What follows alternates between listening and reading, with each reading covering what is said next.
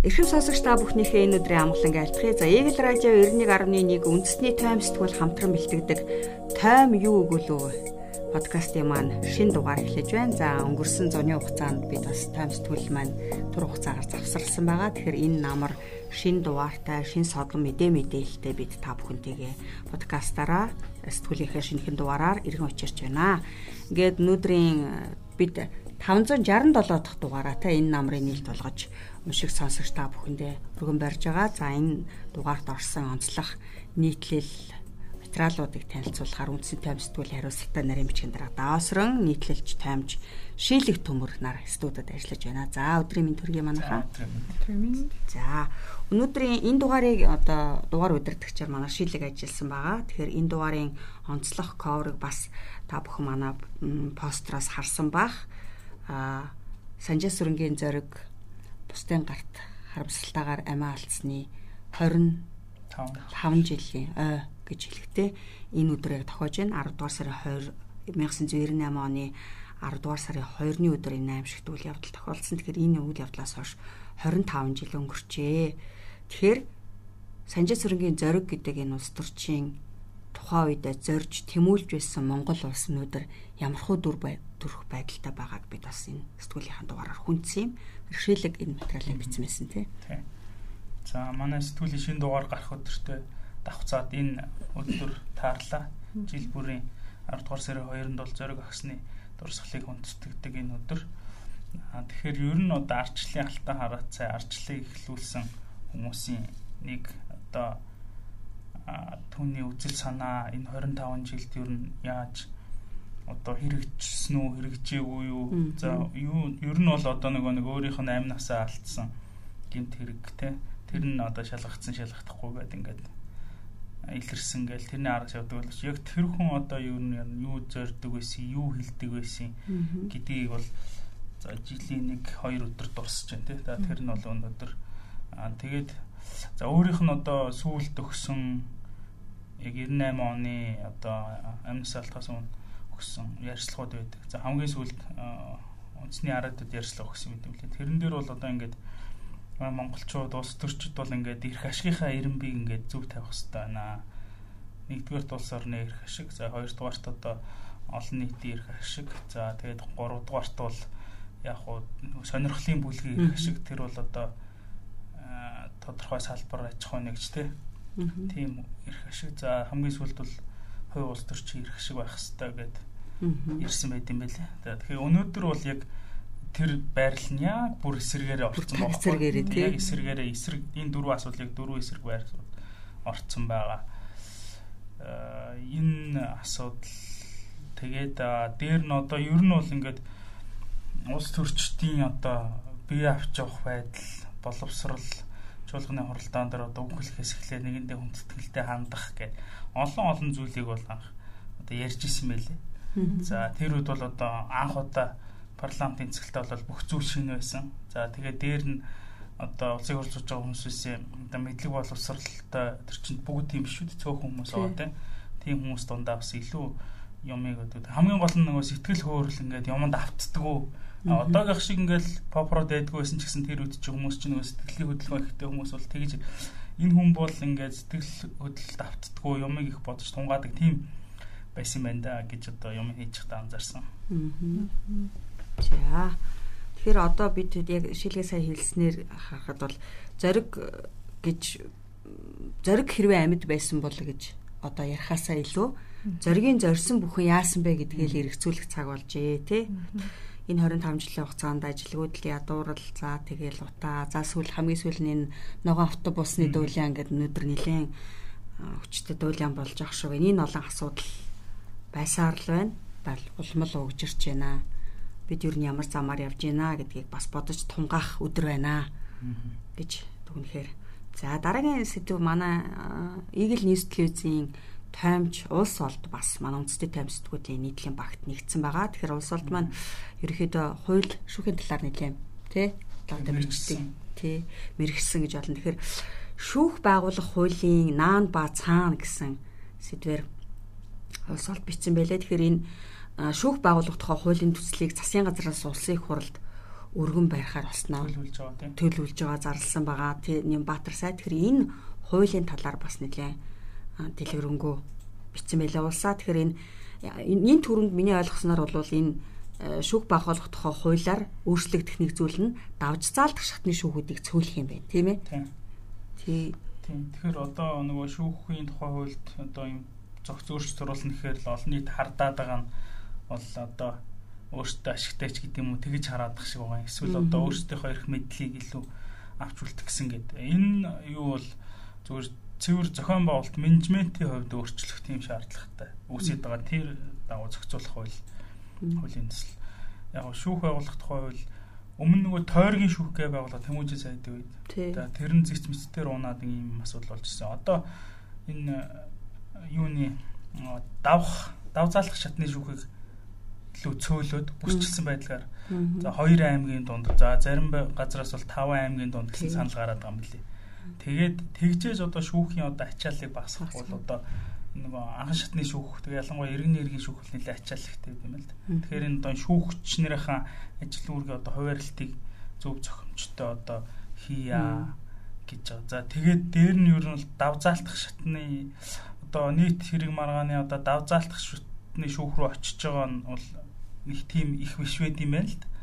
А тэгэхээр ер нь давзаалтах шатны шүүхийг ер нь бол яа цөөлий гэсэн. Гэхдээ энэ нь бас тэрийг хилцэх үедээ бас юу гарах л баг. Одоо нэг хүний нөгөө нэг эрхийн талдлаа заавал тэгэл хол очиж давзаалтах зардал мөнгнөөс хавуулаад хэцүү гэсэн тийм асуудал гарахыг үүсэхгүй. Гэхдээ энэ одоо шүүх процессын ажил хурдан шуурхай байх гэдэгтээ энэ төр бол чухал ач холбогдолтой гэж үзсэн. Тэр иргэний хэргийн шүүх маргаан нэлээд ачаалтай байдаг гэдэг дээр энэ дээр бас процессын дагуулсан шүүх байгуулах тухай асуудлууд яригадаад бас зарим нь яхаа гэр бүлийн шүүх эдэр гэдэг төсөл бол унчаад байгаа юм билээ. Гэхдээ ер нь бол Нямбатар сайдын өсвөр бол авилгын дагуулсан шүүх байгуулж албан тушаалын эргүүд гэдэг шийд эрх мэдлийг нэг газар төвлөрүүлэх тийм санаачлагч бас гарсан гэж яригдчихэж байгаа юм билээ тий. Гэх мэтчлэн шүүхийн шинжилгээ хүрээнд шүүх байгуулах тухай хууль батлагдсан тохиолдолд ямар хөө зүйлүүд өөрчлөгдөх вэ гэдгийг нэлээд хүндэж бичсэн байлаа. Энийн тэргүүд одоо энэ улсаагийн онцолж байгаагаар бол шүүхүүдийн нэрийг өөрчлөх хэрэг гарч ирнэ тий. Шүүхүүдийн нэрийг өөрчлөнө гэдэг бол тухайн шүүхэд ажиллаж байгаа шүүгчийн томилгоог бүх шүүгчдийн томилгоог өөрчлөнө гэсэн үг болноо. Тэгэхээр шүүх байгуулах тухай хуулийг батлах нь сайн талтай ч бас сүйдэрт байгаа муу талуудыг бас эрсдлүүдийг бас тоодж бичсэн байлээ. За дараагийн сэдвийг бас манай тоомч шилэг төмрийн бичсэн сүх далайтал өхөр амар гэд. За энэ намрын чуулганаар бас сонгуулийн өмнөх хичээл гэдэг утгаараа нэлээд том хуйлууд хүлээгдэж байгаа нэлээд том өөрчлөлтүүд бас э, намрын улс төр улсын хурлын намрын чуулгыг ихтэй зэрэгцээд эхэлж байгаа. За тэгэхээр энэ зүйлүүдийг бас маш шилэг онцолж бичсэн. Тэгэхээр намрын чуулганаар ихэж албан тушаалаас чөлөөлөх хүртэл ирэх юм ба илж байгаа төрийн томоохон албан тушаалтнуудыг цэцгийн гурван гишүүнийг томилгооноос эхлэх юм байна тий. Тийм. Тэгэхээр нөгөө Сүхталайт Лөхөр амар гэдэг нь улсын их хурлын намрын чуулган эхлээд асуудлыг нь хилцэх хүртэл бол одоо нэг бүрэн эрхийн хугацаанд дууссан хүмүүс ажиллаа хийж байгаа байхгүй. Аа. За үндсэн хуулийн цэцгийн хоёр гишүүн цэцгийн дарга Чимбат за тэгээд цэцгийн гишүүн одоо хоёр за бас нөгөө юу байсан ба өнгөрсөн хавар хаврын чуулган цэцэрлэхийн өмнө нанд дорж гэдэг цэцгийн гишүүн өөрийнхөө хүслээр өөрийнхөөсөө чөлөөлөгдсөн. Тэгээд цэцгийн гурван гишүүнийг одоо намрын чуулганаар томилох хэрэгтэй. Тэгээд Чимбат дараагийн хувьд бол бүр ирэхийн хугацаанд дуусаад бүр удаж байгаа. За одоо хоёрых бол э, өнгөрсөн оны өмнө дууссан багсан гэж чинь. Тэгэхээр энэ цэцгийн гишүүн Чинбатын хувьд бол аа юу яасан? Бас нөгөө нэг төрийн алба ах насны дээд хязгаараас бүр даваа явцсан байгаа.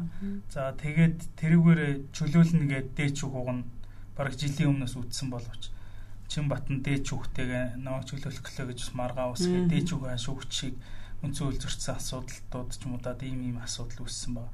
За одоо бол ямар ч маргаангүйгээр ингээ ажиллаа өгөх өсвөр аргагүй төрчээд байгаа. Хүчил байдал тийм болсон тийм байна. За бас төрийн албаны зөвлөлийн даргыг томилно. Даргыг томилох хэвээр Баатар зөрөг гэдэг тэр хүний бүрийн эрхээ хугацаа бас дууссан байгаа. Тэгээ шинээр гişүүд томилох баг тийм. Шинээр ингээд томилох баг. So одоо нийслэл засаг дараагаар ажиллаж исэн Сундуун Батуулт тий түрээ байгаа гişүнд яригадаад байгаа шүү дээ. Тий өөрөө хавраас эхлээд тий өөрөө эзэл өөрөө бүр илэрхийлсэн байгаа шүү дээ. Тий илэрхийлсэн бас төрийн албаны чиглэлтэй олон янзын үйл ажиллагаанд оролцоод яваад байгаа. За дээр нь юуны Сонгуулийн ерхий. Сонгуулийн ерхий ороо. Сонгуулийн ерхий ороонд бүр их хугацаанд туссан хүн байхгүй ч гэсэн нэг зүйл зүгээр анхааралж байгаа. Сая нэг хөгжлийн банкны хэрэгээр байгалмаа гэдэг ерхийлэгчийн аваа газрын дараагсан тийм. Тэр хүн шүүхээс ял сонссон. Тэгэхээр ер нь тэр хүнийг одоо чөлөөлөх үү, солих уу, гүй юу гэдэг бас анхаарал татчих байгаа. Тэр хүн яагаад гэвэл ардсан намын хүн шүү дээ. Дээр нь тэгээ сонгуулийн өмнө ер нь бол ирэх баригчд бас заавал сонгуулийн ирэх орондоо сэлгээ хийдэг шүү дээ. хийдэг. Уг нь бол сонгуулийн ирэх орооны гişүүд 6 жилийн хугацаагаар томилдог л учраас 6 жилийн хугацаанд болоог байсан ч гэсэн явны шалтгаанаар сэлгээ хийдэг тийм тохиолдол байдаг. Тэгэхээр энэ энэ асуудлууд ирэх одоо энэ эхэлж өнөөдөр эхэлж байгаа намрын чуулганаар хилцэгдэх баха. Намрын халуун улс төрт нэлээд одоо гал нэмэх сэдвүүд л байгаа юм л та тий. За дараагийн сэдвийг манай давсрын бичсэн. Та бүхэн санаж байгаа өнгөрсөн 8 сард нийгэм даяараа бас тий донортой холбоотой нэлээд том асуудал үүссэн. Тэгэхээр энэ сэдвийн хүрээнд манай давка донорын эрэлт гэсэн юм материал бичсэн байгаа. Тий манай улс донорын тухай хуулийг анх 2000 онд баталсан юм билэ. Тэгээд түүнээс хойш хэд хэдэн удаа өөрчилж шинчилсэн. Тэгээд анх батлахтаа бол амьд зөвхөн амьд дондроос эргэтэн шилжүүлэн суулгах тухай асуудлыг зохицуулж хуулаа баталсан. Түүнээс хойш 2018 онд ерөнхий намгууд донор дондроос эргэтэн шилжүүлэн суулгах одоо асуудал асуудалтай холбоотойгоор хуулаа өөрчилсөн юм билээ. А гэхдээ одоо 18 он гэдэг чинь түүнээс хойш тодорхой хугацаа өнгөрсөн боловч өнөөдрийг хүртэл манай улсад нийт донорын 90 гаруй хувь нь амьд донороос эрхтэн шилжүүл суулгадаг. Нөгөө амьгуу донороос эрхтэн шилжүүлэх шилжүүлэн суулгах асуудал яг нэг тэмжигдэрч чадахгүй байгаа даа. А харин одоо дэлхийн бусад улс орнууд бол энэ амьд донороос эрхтэн шилжүүлэн суулгаж нэг хүний амийг аврах гад нөгөө хүнийг эрсдэлд оруулдаг байдлыг одоо татгалж аль болох татгалзаж байгаа тийм. За тэгэнгүүт ер нь яаж энэ амьгуу донороос эрхтэн шилжүүлэх асуудлыг цэгцтэй зөв болгох вэ гэдгийг гэдэг асуудлыг маш удаа дараа ярьж байгаад 18 онд хуулаа өөрчлөхдөө энэ асуудлыг зохицуулах албыг байгуулсан юм билээ. Аа. За энэ алба бол одоо имлэг одоо нөгөө тархины үхэл амьгуу донор гэдэг нь тийм тархины хүчилттэй донороос ар гэрийн зөвшөөрөлтөөр одоо эргэтэн шаардлагатай байгаа хүнд эргэтэн шилжүүлэхийг хэлээд байгаа юм лээ л дээ. Тэгээд энэ процессыг ерөнхийдөө зохион байгуулдаг ийм байгууллага юм билээ. За тэгээ манай Монголд яг ямар ямар асуудал тулгараад байна гэхэлэр нэгдүгээрт энэ нөгөө тархины хөл төрсэн гэр бүлээс эхлээ зөвшөөрөл авдаг юм байна л да. Тэнгүүд манай гэр бүлүүд зөвшөөрөхгүй байх хандлага түгээмэл байдаг. За энэ юутай холбоотой байгаа даа гэхээр шашин шүтлэгтэй холбоотой байгаад байдаг юм байна. За тэгээ хуулаа бас илүү сайн чамбайруулах шаардлагатай байдаг юм байна. 22 оноос нөгөө тархины үхэл төрсэн донорын донорт оршуулгын тэтгэмж олгох тухай асуудлыг шийдвэрлсэн.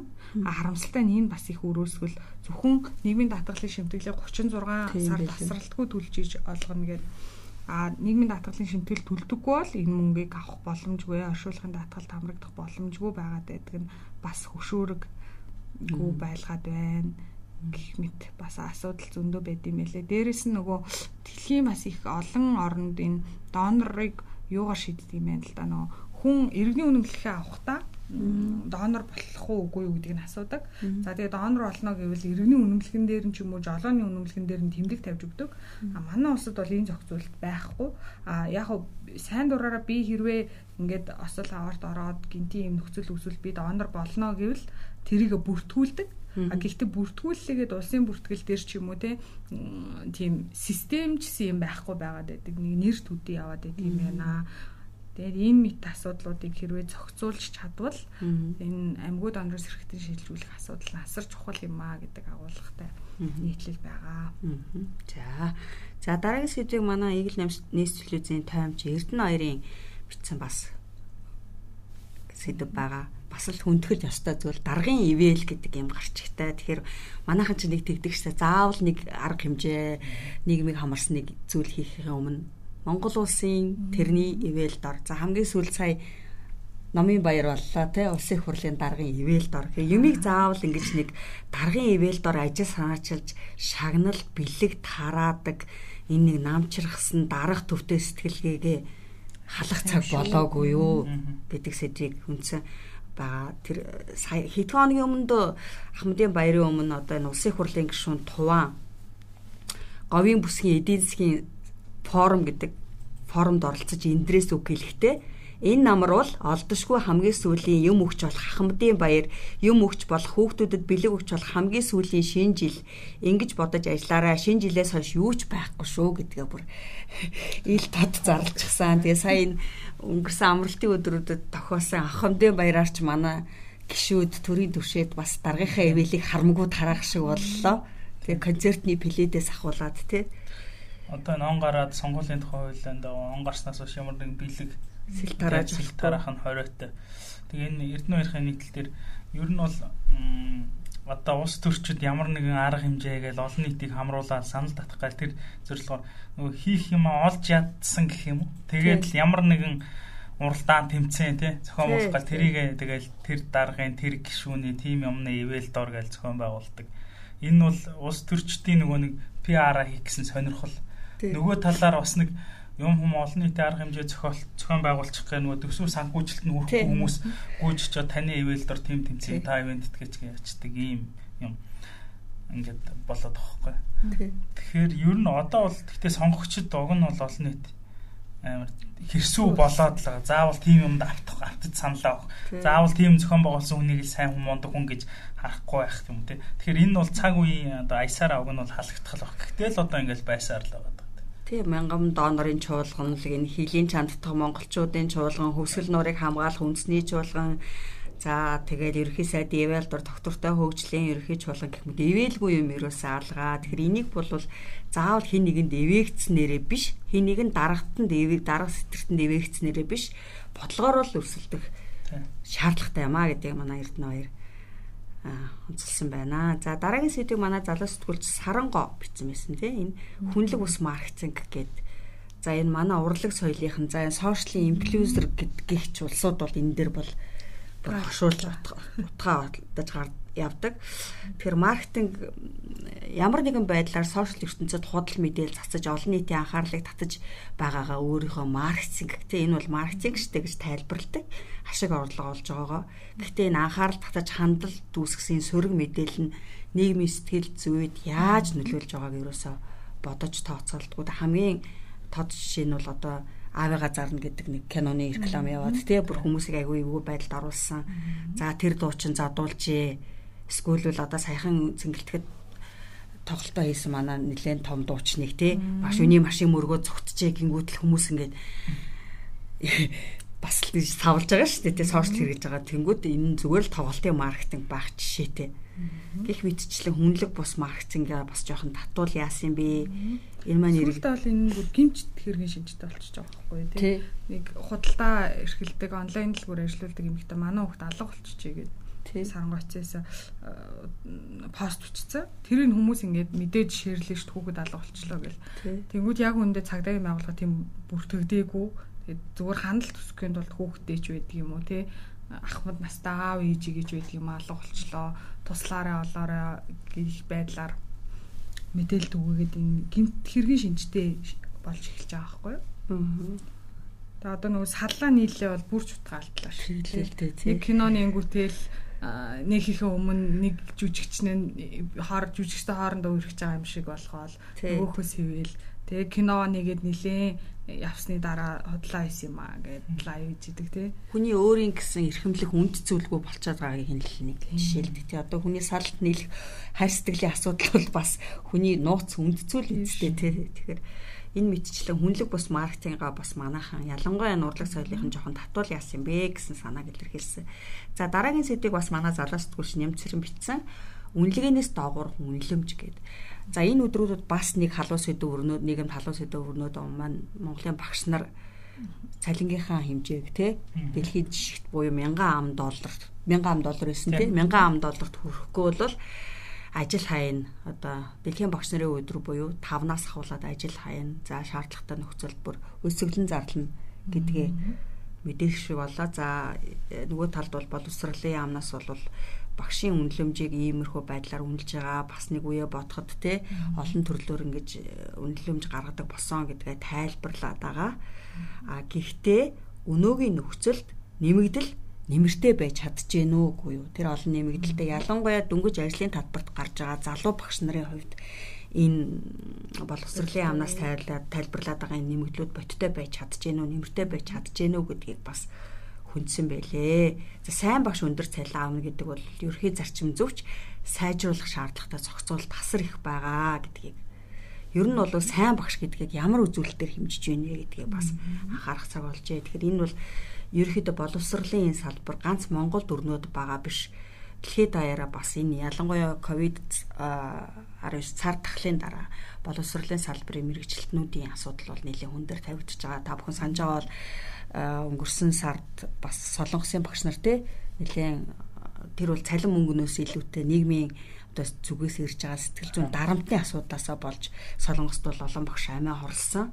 Аа тэгээ энэ багш нарын жагсаалт тэмцэл одоо ч гэсэн үргэлжилж байгаа. Тэгээ өөрөөр хэлбэл хүүхдийг сургуулийн байран дээр багш шийтгэх эрхтэй болохын төлөө бас тэмцэж байгаа. Энэ ч бас манай Монголд бас яригдчихл байгаа сэдвтэй үг хэлүүлэхэ байцсан. Эцэг эхчүүдийн хэмжээ хязгаараас давсан дарамт багш нарыг одоо ажилласаа цогтох бас нэг шалтгаан болж байгаа.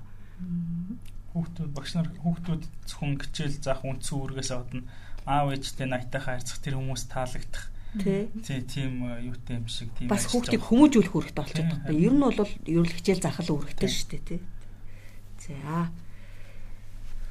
За дараагийн сэдв бас л нэг хэмжүүрийн талаар өгүүлсэн юм л да энэ аз жаргалын андуу хэмжүүргээ жил болгон бид нар нүг дэлхийн хамгийн аз жаргалтай орныг шалгаруулж яах гээл тэгдэг. Тэгэл нөгөө Скандинавын орнууд харьцангуй тайван төвийг сагсан ийм бодлоготой орнууд энд тэргүүлдэг. Жишээлбэл Финлянд гэдэг те энэ улс сүүлийн 6 жил дараалж аз жаргалын индекст тэргүүлж байгаа. За тэгэл нөгөө дайм байлдаантай мэдээж сэрч байдаг юм уу? Эсвэл инфляцтай эдэгдсэн Зимбабве ч гэдэг юм улсууд сүүл мушигдаг. Тэгэхээр энэ аз жаргалын индекс гэдэг зүйл яг үнэндээ бодтой байж чаддгүй. За жишээлбэл Америкийн нэгдсэн улсаар жишээлээд аваад үзье л да. 10 хэддүгээр байранд ордог. Гэхдээ энэ улс яг иргэд наад жаргалтай амьдарч чаддгүй гэвэл бас хэцүү те. Нэг хүнд оногдох одоо бууны таг ороод дэлхийд хэрэгүүлдэг ч гэдэг юм уу. Одоо олноор нь буудаж хөнөөсөн ийм хэрэг бол өдөр болгон шахуул Америкийн олон улсын мэдэн дээр гардаг шүү дээ те. Гэх мэтчлэн эдийн засгийн нөгөө яг энэ хэмжиж байгаа хэмжүүр нь нэг хүнд оногдох дотоодын нийт бүтээгдэхүүн нь өндөрч байдаг юм уу нийгмийн халамж нь өндөрч байдаг юм уу ийм үзүүлэлтүүдээр аз жаргалтай гэж дүгндэг. А гэтэл яг хэрэг дээрээ иргэдийнх нь аз жаргалын хэмжүүр бол бас очир дутагдaltaа. За энэ дэлхий 6 жил дараалж аз жаргалын индексээрээ тэргүүлж байгаа Финланд улсад гэхэд иргэд насар их стресстэй сэтгэл гутралд автцсан сэтгэл гутралын эммийн борлуулалтаараа Европтой тэргүүлдэг байх жишээтэй. А гэтэл дэлхийн хамгийн хүн амтай 1.5 тэрбум хүнтэй энтгэг улс гэхэд бол одоо ерөөсө энтгэгдчихээсээ үгээгүй гуйлгачд хүртэл их байдаг гэдэг чинь. Тэгэхэд энтхэгийн иргэдийнхэн дунд сэтгэл гутралын өвчин бараг байдаггүй. Гэх жишээтэй аз жаргалын хэмжүүр бол өөр өөр юм аа. Бутан гэдэг одоо Азийн нэг жижиг улс байна. Энэ улс бол яг дундаж амьдралтай яг бараг л одоо Европын жишгэрүүл ядуудаа л тооцогдно. Гэхдээ энэ улсын иргэд хасар аз жаргалтай байдаг. Бүр аз жаргалын яамтай. гэх мэтчлээ.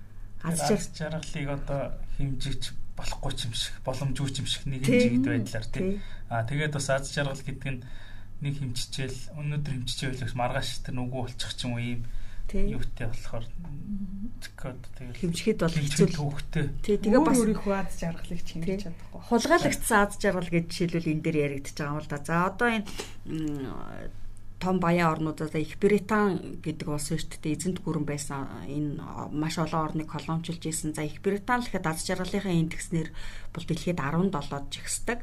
Гэхдээ Их Британий энэ аз жаргал юун дээр бүрдсэн гэхээр Карибын тэнгисийн худалдаанд боочлогдсон Африкчуудын зовлон за энтхэгийн хойд энтхэг Пакистаныг олон жил одоо колоничлж мөрдөж мөлжиж хамаг баялгаа бүтээсэн дээр л өнөөгийн Британи улсын баялаг бүтээгдсэн шүү дээ. Тэгэхээр энэ аз жаргалыг тэдний аз жаргал мөн үү? Магадгүй энтгэгчүүдийн аз жаргалыг хулгайлцсан юм уу? гэдэг бас л бодгол зүйл эд хөрөнгөний аз жаргал уу эсвэл амар тайван байдлын аз жаргал. Бутан бол эд хөрөнгөний гэхээс илүү амар тайван амар Одоо бас будын шашинтай. Будын шашинтай. Тэнд чинь бүр ерөөсөө нөгөө нэг шашнаасаа болоод нөгөө нэг тэдний улс тэр улсын хамгийн том проблем одоо нөгөө үүрэгтэй аялаар ганхуу ах ярьж байсан хамгийн том проблем нь бутааны юу гэхээр залбин тоход. А шашныхаа ихтгэл өмчнөөс болоод гудамжныхаа золбон нохойг алж чаддгүй. Нөгөөдөл нь сүрглээд хүнд рүү дайрдаг. А тийм л амар тийм л одоо хэцүү асуудал байдаг. Бус талаар бол эд хөрөнгө бол хамаагүй. Тэгэхээр хүмүүсийн яг тэр иргэдийнх нь олон нийтийн сэтгэлгээнээс энэ над шаргалын хэмжүүр бас шилтгаалах юм шиг. Солбон хоол манай улсын бүр 1000 хэдэн зуут асуудал байна. Гэтэ манай улс ч бас чихэж хөрхий дайн тажинтай улсууд энэ дэр хамаагүй таймжтайхан манай энэ эрх баригчтал улс төрчтөл идэж угаад л биднийг зовоогоод идэг болохоос иргэд ч гэсэн тий. Бас нөгөө шашин боддын шашинтай дээр нь одоо нөгөө байгаа юмдаа сэтгэл хангалуун байна гэдэг бас тий амьдралын үзэл юу бай ер нь хүмүүст байдаг шүү дээ философт байдаг шүү дээ. Заавал одоо нэг гэж айхтар гутраад ах шалтгаан бидэнд ер нь байдгүй шүү дээ тий. За нөгөө автобус бид нэрийг гутаах гэсэн ч бид готрахгүй. За дараагийн сэдвийг манай сэтгүүлч Лувсын ондон бичсэн шошгоны цаадах үнэн гэд. За бид бас энэ цуурлаар бас энэ сэдвийг ер нь хүнддэг. Манайхан ерөөсө бараа бүтээгдэхүүн худалдаж авахдаа ялангуяа хүнсний зөксөлтөө зөксгүй хэрэглээний талаар ярихдаа шошгоо ерөөсө анзаарч уншдаггүй тий. Тэгээ энэ дэр он сарыг харж он сарын л харж байгаа. Энэ дотор юу агуулгадж байна гэ. За заримдаа агуулгдсан юм нь буруу тайлбарладаг те. Е гэсэн тодтголтой одоо латин үсгээр бол и гэсэн тодтголтой юм болгон хортой гэж ойлгоцсон байдаг. Тэгэхээр энэ хүнсний нэмэлтүүдийн талаар ерөөсөө тийм химийн боловсралгүй байдаг. За энэ дээр бас нэг анхаарал татсан хүн энэ нэг нэрээ нууцлахыг хүссэн нэг хүн одоо энэ шошиг миний ойлгосноор энэ хэвлийн компани ажилтсан юм байна те. Шинээр шошго хийлгэхээр ирж байгаа хүмүүс орц найрлага, тижээлэг чанар, хадгалах хугацаа зэргийг зохиомлоор бичүүлэх сонирхол их байдаг. Бид нар уг нь шинжилгээний бичиг болон бусад баримтад тулгуурлан бичгийг хичээдэгч ашигын төлөө байгууллагатул үйлчлэгчээ үргээхийн тулд хэлсэн ёсоор нь гүйцэтгэдэг гэдэг бас анхаарал татсан асуудал тий.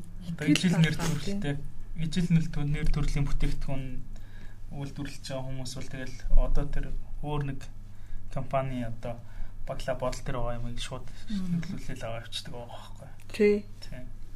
Тэгээ шошго худал мэдээлэл агуулгах зөрчил бол нэлээх гардгаа. Тэгэхээр энийг бас э, үндэсний үйлдвэрлэгчид маань ялангуяа энэ дээр бас ухамсартай байх хэрэгтэй байна. За иргэд маань өөрсдөө шошго унших соёлд суралцах хэрэгтэй байна. Хадагдаад л цэцгийн тос маргины хоёроо ялгчдаг болох хэрэгтэй байхгүй тий. Тараас тос гэдэг чинь энэ дээр яригддаг. За дараагийн сэдв спорт сэдв. За манай намрын намарт өрнөдөг сэдв бас л өрнсөн. Нөгөө л манай бөхчүүдийн дуустгүй дундардгүй шээсний хэрүүл. Тэгээ нэг нь одоо харамсалтай тий. Улсын наадмын төрөв бүхөөс дандаа ингээд удаа дараа допингийн шинжилгээнд бүдэрнэ гэдэг бол хэцүү. Тэгээ шийдлэг нэг бичсэн байсан тий. Үнэн хүчүү үнэн зайлуу гэдэг допингийн маргаан жил болгон төрөндөг. Энэ жил бас ингээ бүр төрөө бөхөөс дахиж хоёр дахь тохиолдол боллоо шүү дээ. Хэлдрээд нэлээд жил. Гэтэ миний харсан үнцэг зүгээр яг допинг хэлэрж байгаа бүх бөхчүүд ийм зориггүй л баг. Гэхдээ магадгүй допинг хэрэглээд улсын цол аваад эсвэл төрүүлээд үзүүлчих юм бол би юу амьдралынхаа баталгааг бий болгочих юм байна, шийдчих юм байна гэж гэж бодоод ингээд допинг хэрэгэлт юм шиг үсттэй гэсэн тийм одоо хардлага бас байгаа шүү дээ. Тэр тухай бичсэн байгаа. За яагаад гэвэл улсын наадам төрүүллээ, үзүүрлээ, шин цол авлаа. Тэгэл хамгийн наацх нь хоёр өрөө байр тий. Тэгэл өрөө байр. Хоёр машин. Машин хамгийн гоё л машин тий. Одоо явж байгаа хамгийн үнэтэй гэсэн гоё машин. За тэгэл бүр ихнэрт нь машин өгсөн тохиолдол энэ төр гарсан. За тэгэл яг наадмын дараа тэр найраа хийгээл хамаг бэлгэсэлтээ аваад яг дуусч яхад нь допингийн хариу гараад яадаг те. Тэгээ буцаахгүй юу? Тэгээд харин буцаадгүй. Тэгэхээр манайхан бол за нэгэн төгсөн юм бол аваад явах гэж боддог баг. Тэгээ бас нөгөө нэр хүндээ боддог баг аж ахуй нэгжүүд те. Тэгэхээр уг нь бол энэ буцаа одоо бэлэг өгсөн хүн энийг за допинг илэрсэн чинь буцаамаар байна гэвэл буцах юм билээ. Хууль эрх зүйн буцах юм билээ. Аа тэгээд буцаадгүй буцаасаа одоо ер нь бол тохиолдол сонсож байгаагүй шүү дээ бид нар те. Тэгээд энэ үүднээс нь яасан. Тэгэхээр ер нь бол нөгөө нэг эрүүгийн хуульд одоо энэ допинг хэрэглээл одоо саяных шиг тийм боталтай бүх байлаа гэж бодъё л да. За допинг хэрэглээд байр машинтай болчих. Гэхдээ бол амар олон хүн манай Монгол улсын иргэдийн баг ихэнх нь гэж хэл буруутахгүй байр машины төлөө амьдралдаг залуучууд маш их байгаа шүү дээ. Тэр нь шууд биелэн авах ш ипотекийн зээлэр ингээд. Тэгэхэд нэг бүх допинг хэрэглээ ч юм ингээ бүх юмтай болчихоо. Тэгэхээр тэгж бодоод магадгүй хүссэндээ хүрээд байр машинтай болж байгаа хүн бол тэр хүний тэр үйлдэл ингээд хууль зүйн үүднээс аваад гэх юм бол заллин байгаа байхгүй. Яг эрүүгийн хуулийн яг заллин гэм тэр гэдгийг тодорхойлтвол энэ бол амар яв цав нийцээ орчиж байгаа. Тэгээ энэ үүднээс бас хуульчаас бас асууж үтсэн. Эрхэн баяргаа хуульчаас асуусан. Тэгэхэд бол эрүүгийн шинж чанар бол энд агуулгадана гэж байгаа. Тэгээ хоёрдугаарт нь энэ одоо бэлгэлж байгаа гэж боловч цаана ч бас нэг гэрээтэй явж байгаа шүү дээ. За тэд ингээ байр хүлээлгэж үн тэглээ инглээж бизнесийн байгууллага өгч байгаа юм чинь. Тэгэхээр а бэлгэлийн гэрээн дээр иргэний хуулиар авдаг бэлгэлийн гэрээн дээр нэг жилийн дотор одоо бэлэг авсан хүн нөгөө бэлэглэгчээ гомдоосон тохиол тэргээр 30 төгөлдөр бус гэж үздэг юм байна л да. Тэгэхээр магадгүй тэр бэлэг өгсөн хүн өө би ингээд өгсөн чинь ингээд опен гэлэрч байгаа гомдолтой байна гэд буцаах юм бол шүүх хууль шүүхийн шийдвэр бол ер нь тэр талд гарах юм байли. Ер нь хууль зүйднээс бас тийг тайлбарсан. Хуулийн зохицуулт бас тийм юм байли. Гэвч манайхан бол одоо нөгөө нэг түүхийсэн буцааж авдаг учраас ингээд яваад байгаа. А тэгээд бүр сүултээ энэ байдал ягаад цолоо ахиулаагүй байсан ч гэсэн одоо шагнал өгчдөг тохиолдол гараад байгаа хөөхгүй. Энэ жилдээ хоёр тохиолдол гарсан. Бүтгийнхаа бол нэг олон жил баясгаж байгаа гэж хэлж байгаа. Эсвэл цолон дүрсэн нөгөө тэр бүх цолон дүртэн дэмжлэг үзүүлсэн гэдэг ч юм уу. За өөр хангаа нутаг цолон дүртэн дэмжлэг үзүүлсэн гэдэг чи одоо найрал ийдтэй баг. Харин тийм тэгэл одоо багш ч гэдэг юм уу, тэгж гэдэг юм уу тий. Унжигсан. Тийм дагуулаад энэ жил бүр юу ховдынхан баталцыг занд 2 өрөө байр өгсөн. Тэр ган хүн их юу 3 өрөө байр өгөнгөта. Дагуулад байр өгчөж байгаа. Тэр Бян ботхонд 200 сая төгрөг өгсөн. Гэхдээ дагуулад санчир гэж заанд бас 10 сая төгрөг өгсөн. Энэ мэтэр бүхчүүдийг ингээд. Гэхдээ үнэхээр одоо үндэсний өв соёл бүхэл үнэхээр хайртай тийм хүмүүс бол өхийг буруутгахгүй шүү дээ. Гэхдээ энэ нь ингээд цаашаа нэг юм хавтгаараад биеинтэйгээ өрсөлдөх гэсэн бүр те нутаг жалгаараа өрсөлдөх гэсэн юм бол. залхигийн шинж рүү. Тэгээ ерөөс энэний төлөө амьдарч хуучин одоо дээр үеийн бүчүүд бада жишээлбэл хоёр их хоёр мөнхөөр жишээлээд авахад баян мөнх авраг мөнх хот авраг гэдэрхээр спортын одоо энэ үндэсний спортоос гадна хажууд нь жигэд те одоо нөгөө олон улсын спортороо те чөлөөт бөхөөрөө хичээлээд олимпиад мөнх хот аврагч мөр мөнгө медальтай шүү дээ олон улсын спортын уралдаанд хэмжээ нэг тогтмол оролцоод энийгээ бас хөгжүүлээд ингэ явах. Одоо яг манай энэ сүүлийн бүхчүүдийг харж байхад за лав гэрэл байна уу да баг тий үндэсний спортоосоо гадна авсраа одоо яг энэ үндэсний спортоор хичээлж байгаа нь бус нь бол ерөөсөө хувийн бизнес хийж штэ.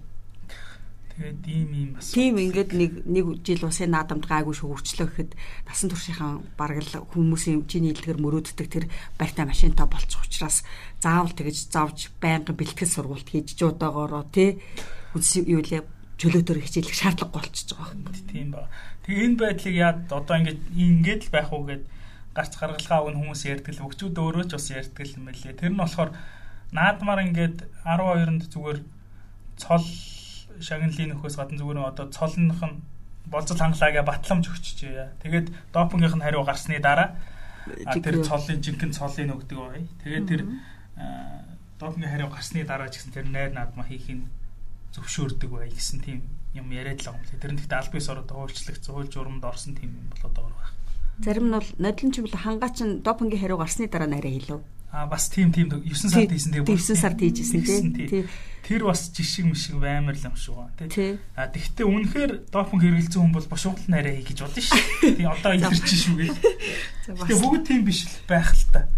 Гэхдээ л ер нь ийм зүгээр улсын начин болоход л нэг орон сууцтай нэг орон сууцтай болно гэдэг чинь тэр хүний амьдрал амар том насны амьдрал шүү. 20 30 жилийн лизэг төлөх ажлыг л хөнгөчлөж чинь гэсэн үг шүү.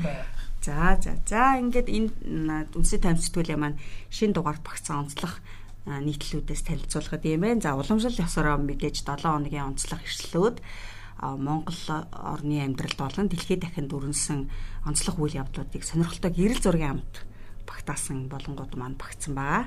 За ингээд таймсдгүүлийн шин дугаарын подкастта хамт байсан уншиг сонсогч та бүхэндээ баярлалаа. За эх 7 хоногт шин дугаараар ирэх уулзлаа баяртай. Баяртай.